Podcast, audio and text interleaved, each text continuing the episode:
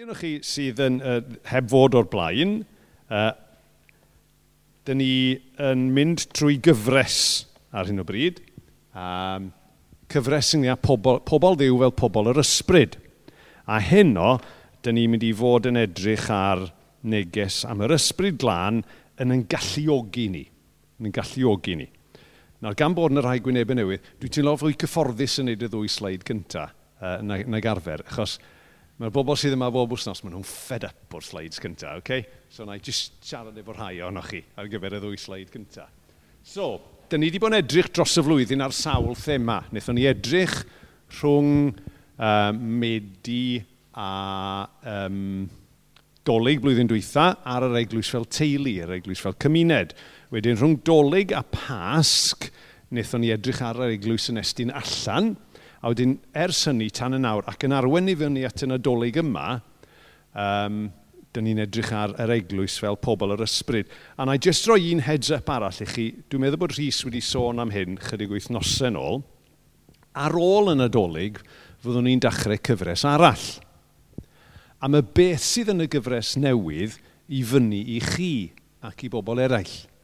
Achos be fysyn ni'n licio delio efo nhw, neu trio delio efo nhw, ydy cwestiynau sydd gan bobl.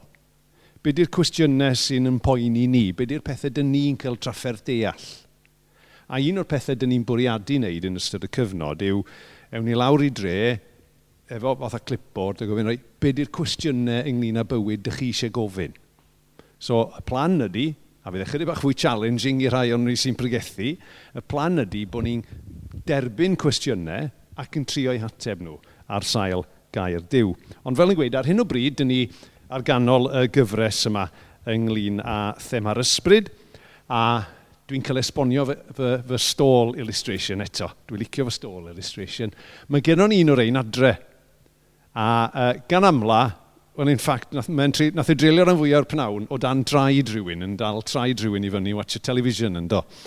Um, Ond chi'n gwybod, dyn ni'n sôn am y drindod, dyn ni'n sôn am diw y Tad, diw y Mab, diw yr Ysbryd Lan. A weithiau, dyn ni ddim yn sôn am yr Ysbryd Lan. Mae fel tysa un o coeser stôl ar goll.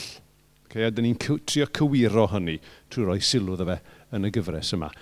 Ac unwaith eto, dwi'n pwysleisio, mae beth dyn ni'n trio wneud ydy dim jyst meddwl yng Nghymru stwff off top yn pen, ond edrych ar y gair, edrych ar gair diw, a trio dod â'n profiad ni i fyny at be mae gair diw yn ei ddeud. Gan gofio, yn arbennig felly efo gwaith yr ysbryd lan, dyn ni gyd mae'n debyg efo profiadau gwahanol.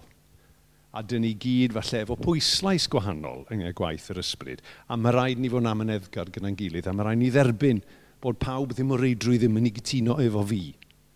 Mo, fe fydd na wahaniaeth. A mae rhaid ni dderbyn hynny a byw efo hynny. Ond hyd yma, dyn ni wedi cael y fraint o ddysgu lot Dyn ni wedi cael yn atgoffa bod y bywyd mae Iesu Grist yn yn gwahodd ni iddo fe yn fywyd ar ei orau. Yn fywyd sydd efo ffrydiau o ddŵr yn llifo allan ohono fe. A mae hwnna'n ddisgrifiad ffantastig.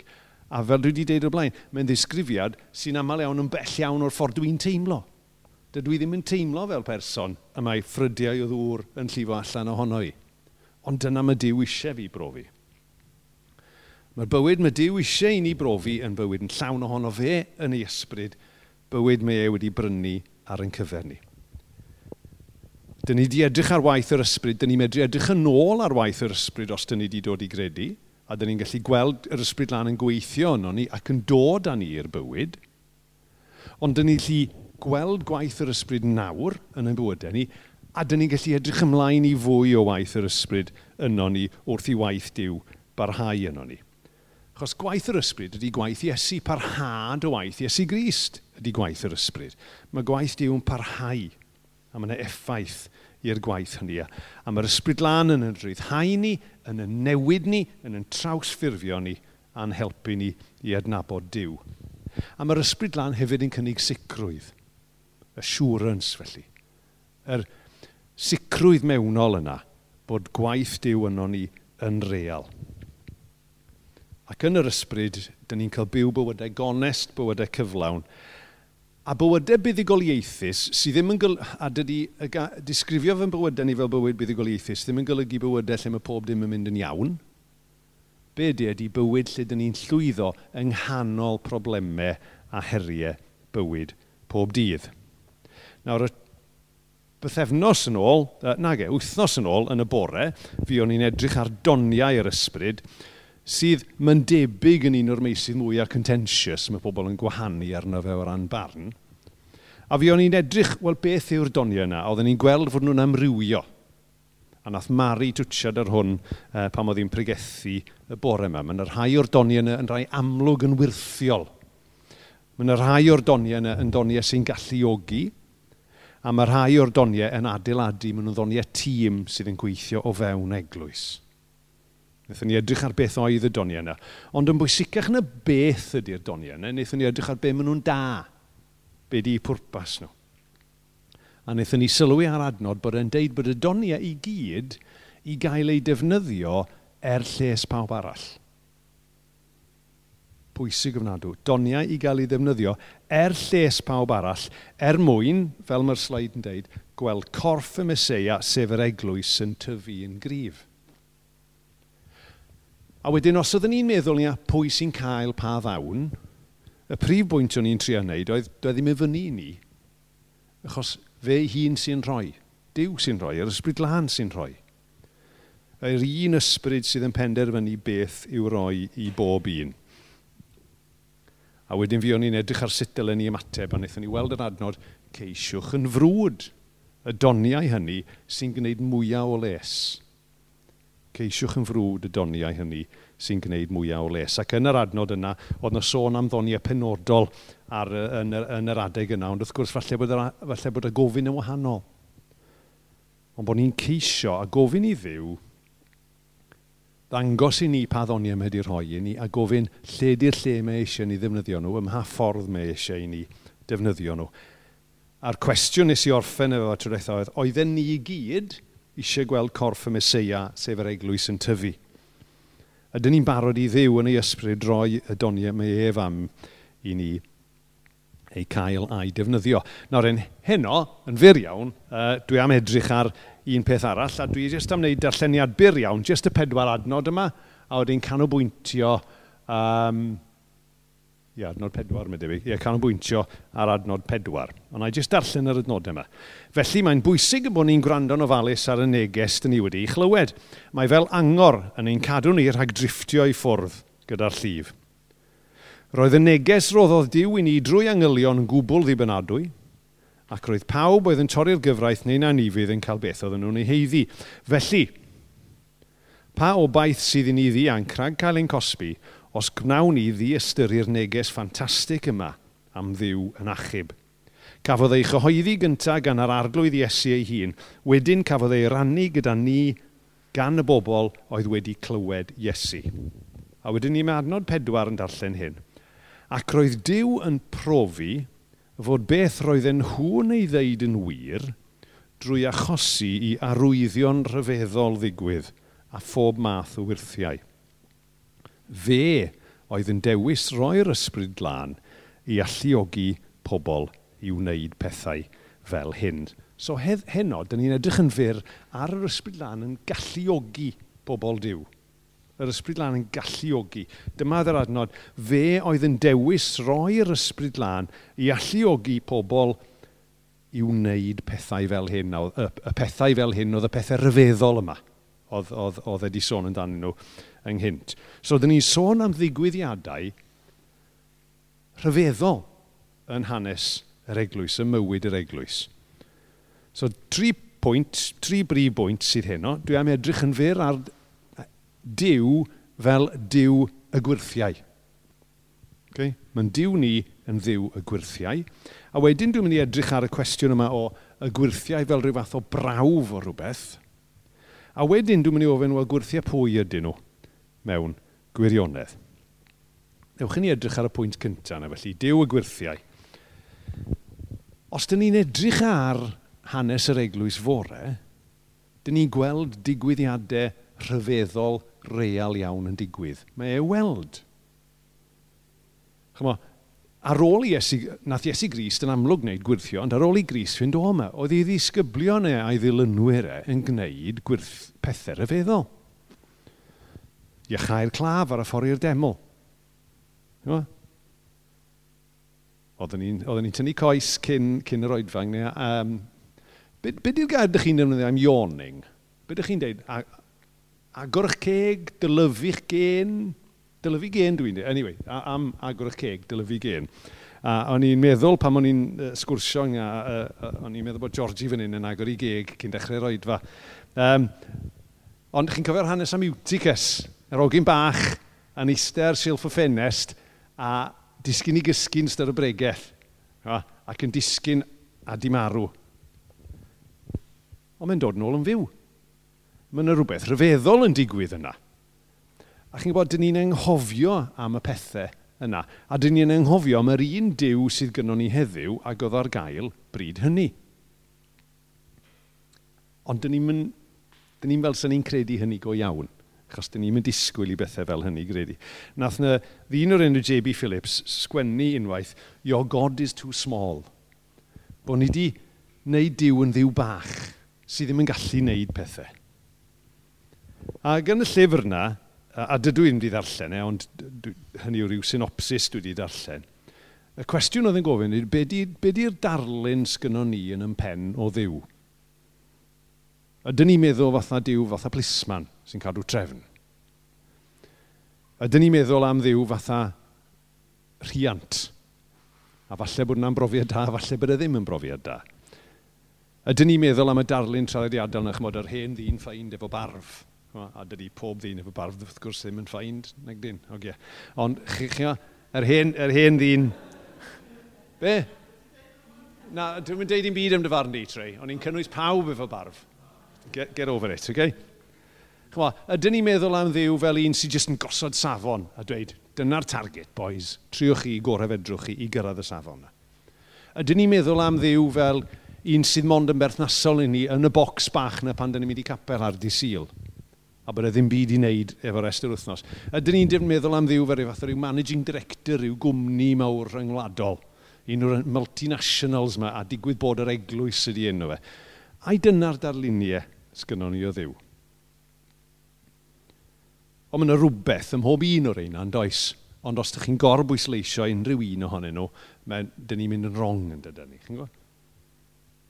Be mae'r Beibl yn deud am ddiw? Wel, un o'r pethau Mae'r Beibl yn deud yng Nghaddiw, a mae weld yn Salm 74 fyna yw Ti ydy'r diw sy'n gwneud pethau anhygoel. Ti wedi dangos dy nerth i'r bobloedd i gyd. Dyna oedd y salmydd yn deud am ddiw. A felly dwi goffo gofyn i fi fi hun, os ydy fy'n syniad i o ddiw yn rhy fach, ydy diw wedi newid? Ac wrth gwrs tydy a e ddim. Dydy a e ddim yn ddiw gwahanol. A un o'r pethau rhaid ni gofio yw mae Dyw wedi gwneud pethau anhygoel yn barod yn ein bywydau ni. Y bywydau ni sydd yma heno, mae wedi gwneud pethau anhygoel yn barod, achos mae wedi'n cyffwr ni. Mae wedi yn dod â ni i'r bywyd. Mae wedi newid ni. Mae wedi newid cyfeiriad beth ydyn ni'n gwneud. Siw bod rhai o'n ni medru edrych yn ôl a'n meddwl, Chymo, meddwl am ryw gyfnod yn bywydau, a tysa rhywun wedi deitha ni yr adeg hynny, lle ydyn ni nawr, a beth ydyn ni'n neud efo'n amser, fydden ni ddim wedi coelio nhw. Fydden ni wedi meddwl, na, fydda i beth fel yna. Fydda i beth yn un o'r criw yna. Ond mae Dyw wedi gwneud pethau anhygoel, chi'n gweld, yn yn bywydau ni, yn barod. A mae'n ddiw arbennig iawn. Chymo, mae gynnon ni'r tri dywediad yma am ddiw yn does bod e'n holl bresennol, yn, yn holl wybodol ac yn holl alluog. Chymo, holl bresennol, i ble allai ddianc o ddiwrtho ti? Holl wybodol, ti'n gwybod popeth amdanau, yn holl alluog. Mae Dyw yn gallu gwneud popeth. A Dyw'r Hen Testament a'r Testament Newydd yw ein Dyw ni heddiw. Eto o'r salme, bendith ar yr arglwydd ddiw Dyw Israel, yr un sy'n gwneud pethau rhyfeddol. Ond mae'n anodd credu hwnna weithiau, yn dydy. Pam bod e'n anodd credu yna? A lle bod e'n anodd credu achos bod ni ddim yn gweld y peth. Dyn ni ddim yn ei weld e mor amlwg. Falle bod e'n anodd credu achos bod ni'n byw mewn oes lle dyn ni licio ame popeth. Chymol, maen nhw'n deud yn dydyn, dyn ni gyd yn colli ffydd ym, mhawb a phopeth dyddiau yma, da ni ddim yn trystio beth mae pobl yn deud ddim mwy. Wel, ydy hwnna'n sipio mewn i'n cred ni? Ydy e fatha dylanwadu arno ni? Dylanwad y byd neu'r syniciaeth yna yn dylanwadu arno ni? Neu ydy e oherwydd bod gynnu ni ddiffyg profiad o nerth diw yn yn bywyd ni? Un o'r pethau mae J.B. Phillips yn deud yn y llyfr ydy hyn. Many hold a faith that has been both purged and developed by the strains and perplexities of modern times. Mae bywyd yn gymleth a mae hwnna wedi dylanwadu ar, ar ffydd pobl. As well as by a small but no means negligible direct experience of God himself. It's gynnu ni ddigon o brofiad o ddiw. Dydy profiad o ddiw yn y bywydau ni ddim yn ddigon amlwg a ddim yn ddigon real.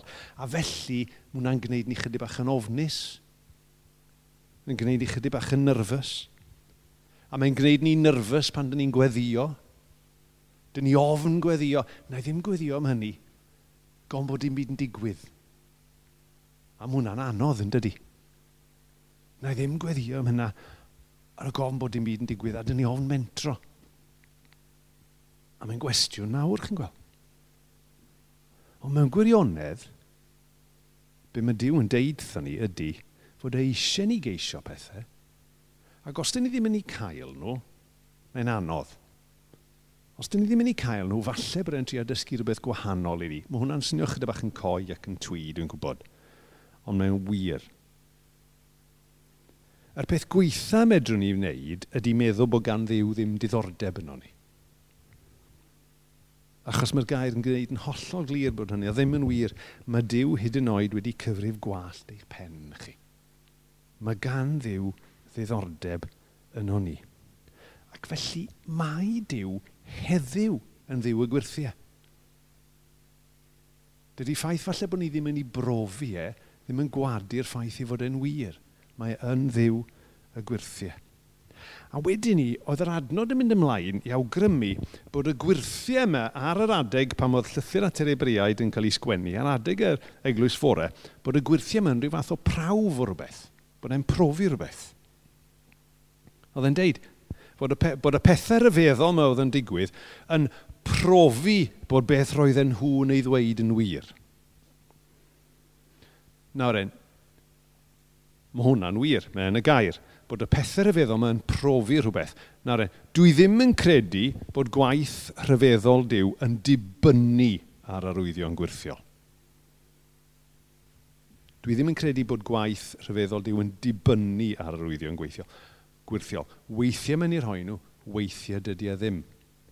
Ar yr adeg yma ac yn y sefyllfa yma, mi roedd e'n i'r hoenw, ond rhaid ni bido credu bod yna ddim yn mynd i fod yn wir amdano ni. Y perig chi'n gweld efo arwyddion yw bod ni'n mynd i geisio'r arwydd. Chi'n gofio Iesu'n condemnio'r ffaneseaid. Cenedlaeth ddrwg ac anffyddlon sy'n gofyn am gael gweld gwirth fyddai'n arwydd iddyn nhw o pwy ydw i. Be oedden nhw eisiau gweld oedd y peth flashy chi'n gweld, dy fe? Eisiau gweld y sain oedden nhw, ddim eisiau gweld yr un oedd yr arwydd yn dano fe. Achos pwrpas gwirthiau yw bod nhw'n dangos rhywbeth. Pwrpas gwirthiau Iesu Grist yw bod nhw'n cyfeirio pobl ato fe, yn dysgu pethau amdano fe. Achos o gwirthiau Iesu gyd yn dangos rhywbeth amdano fe. Oedd e'n dangos i bwerau, yn dangos i allu e dros farwolaeth a byd natur A felly mae gwirth yn medru bod yn arwydd neu'n brawf o rhywbeth. Ond mae rhaid ni fod yn ofalus, achos fe ddedwyd unwaith yn dod. Fyddan nhw ddim yn gwrando chwaith os bydd rhywun yn dod yn ôl yn, far, yn fyw ar ôl marw. Ond mae gwirthiau yn medru bod o help. Mae'n medru bod yn brawf. Ond gwirthiau pwy ydyn nhw? A mae hwn yn debyg iawn i'r pwynt o'n i'n trio wneud uh, bore syl dwytha pan o'n i'n sôn am doniau'r ysbryd. Mae'n y berig pan dyn ni sôn am doniau'r ysbryd bod ni'n meddwl rhywsut mae'n is i bia nhw. Os dyn ni wedi cael dawn, fy nawn i ydy e. Na, os dyn ni wedi cael dawn ysbrydol gan ddiw, mae wedi dod gyno fe. Y ddawn yma e wedi roi i ni ydy e, a mae'r un peth yn wir yng nghyd gwirthiau pobl Dyw. Pwy sy'n cyflawni'r gwirthiau? Mae'r cyfan gan ddiw yn dad, yn fab ac yn ysbryd lan. Mae'r cyfan yn dod trwy ei awdurdodau fe oedd yn achosi i arwyddion rhyfeddol ddigwydd a phob math o wirthiau. A mae'n gwneud hynny heddiw drwy'r ysbryd lan. Yr ysbryd lan di'r cyfrwng sgynno fe heddiw ar gyfer gwneud hynny yn ein bywydau ni ac yn y byd o'n cwmpas ni. Dyw sydd yn rhoi, dyw sydd yn profi ei hun. Oedd yr adnod yn deud oedd, fe oedd yn dewis roi'r ysbryd lan i alluogi pobl i wneud pethau fel hyn mae arwyddion gan ddiw, drwy ddiw yn ei ysbryd, yn pwyntio pobl at Iesu y mab a diw y tad. A mae'n gyrru ni eto, chi'n gweld, oedd i wrth y syniad yma, oedd bod gynnwn ni rhyw fath o troffi cabinet o bethau mae diw wedi rhoi a fi sy'n bia nhw. Mae'n hollol, hollol groes i hynny, achos i wirthiau fe ydyn nhw, i waith e yn ein bywydau ni. So, yn syml iawn, jyst i grynhoi. Yn diw ni o hyd yw diw y gwirthiau. Mae'r un ddoe heddiw ac yfori. Yn problem ni ydy derbyn hynny oherwydd bod ni'n cael yn dylanwadu gan y meddwl o'n cwmpas ni. Ond dewch i ni gofio am y peth rhyfeddol mae wedi gwneud yno ni yn barod. Mae wedi gwneud peth rhyfeddol ym mhob un sydd wedi dod i gredu yno fe yn barod. A mae rheini, fel gwirthiau fwy amlwg felly, yn brawf. Dyma yn gorfod profi ei hun i neb. Ond mae gwirthiau ar y feddodau yn medru bod yn arwydd pellach. A'i wirthiau fe ydyn nhw, nid yn gwirthiau ni. Nid ni fel pobl diw sy'n gwneud y pethau yma, ond fe sy'n gwneud y pethau yma drwyddo ni trwy ei ysbryd. A'r cwestiwn, yn gorffen efo cwestiwn bob tro yn y gyfres yma, dwi'n ffeindio, ydw i, ydyn ni yn agored i ddiw ddangos ei bwer yn ein plith ni. A hynny er lles pawb a chlod iddo ef. A dwi'n gofyn y cwestiwn yna i fi'n hun, a dwi'n gofyn y cwestiwn yna i ni i gyd sydd yma.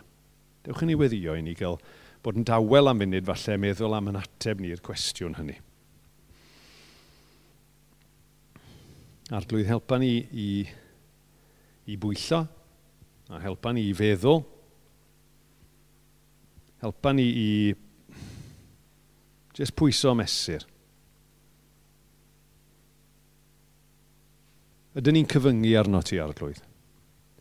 Ydyn ni yn meddwl yn rhy fach ohono ti? Neu ydyn ni fodlon rhoi'n hun yn y dylawdi a gofyn i ti ddangos dy nerth a dy rym yn ein bywydau ni yn yn tref ni, yn yn cymunedau ni, i drawsffurfio'r llefydd yma, dyn ni'n byw yno fe, a drawsffurfio bywydau pobl yn y dref yma ac yn yr ardal yma. A'r blwydd chwilian calonau ni, chwilio ni i weld os ydym ni'n barod i gael yn defnyddio yn y ffordd hyn. Chwilio ni i weld os oes yna rhywbeth yn yn dal ni nôl. A helpa ni bwyso arno ti i ni gael dyweldi ar waith, achos dyn ni'n gwybod arlwydd mae angen dyweldi ar waith yn ein bywydau ni, mae angen dyweldi ar waith yn bywydau pobl o'n cwmpas ni yn yn tref ni a'n hardal ni. Felly, dyn ni'n gofyn arglwydd i ti wneud hynny yno ni nawr, drwy dy ysbryd lan.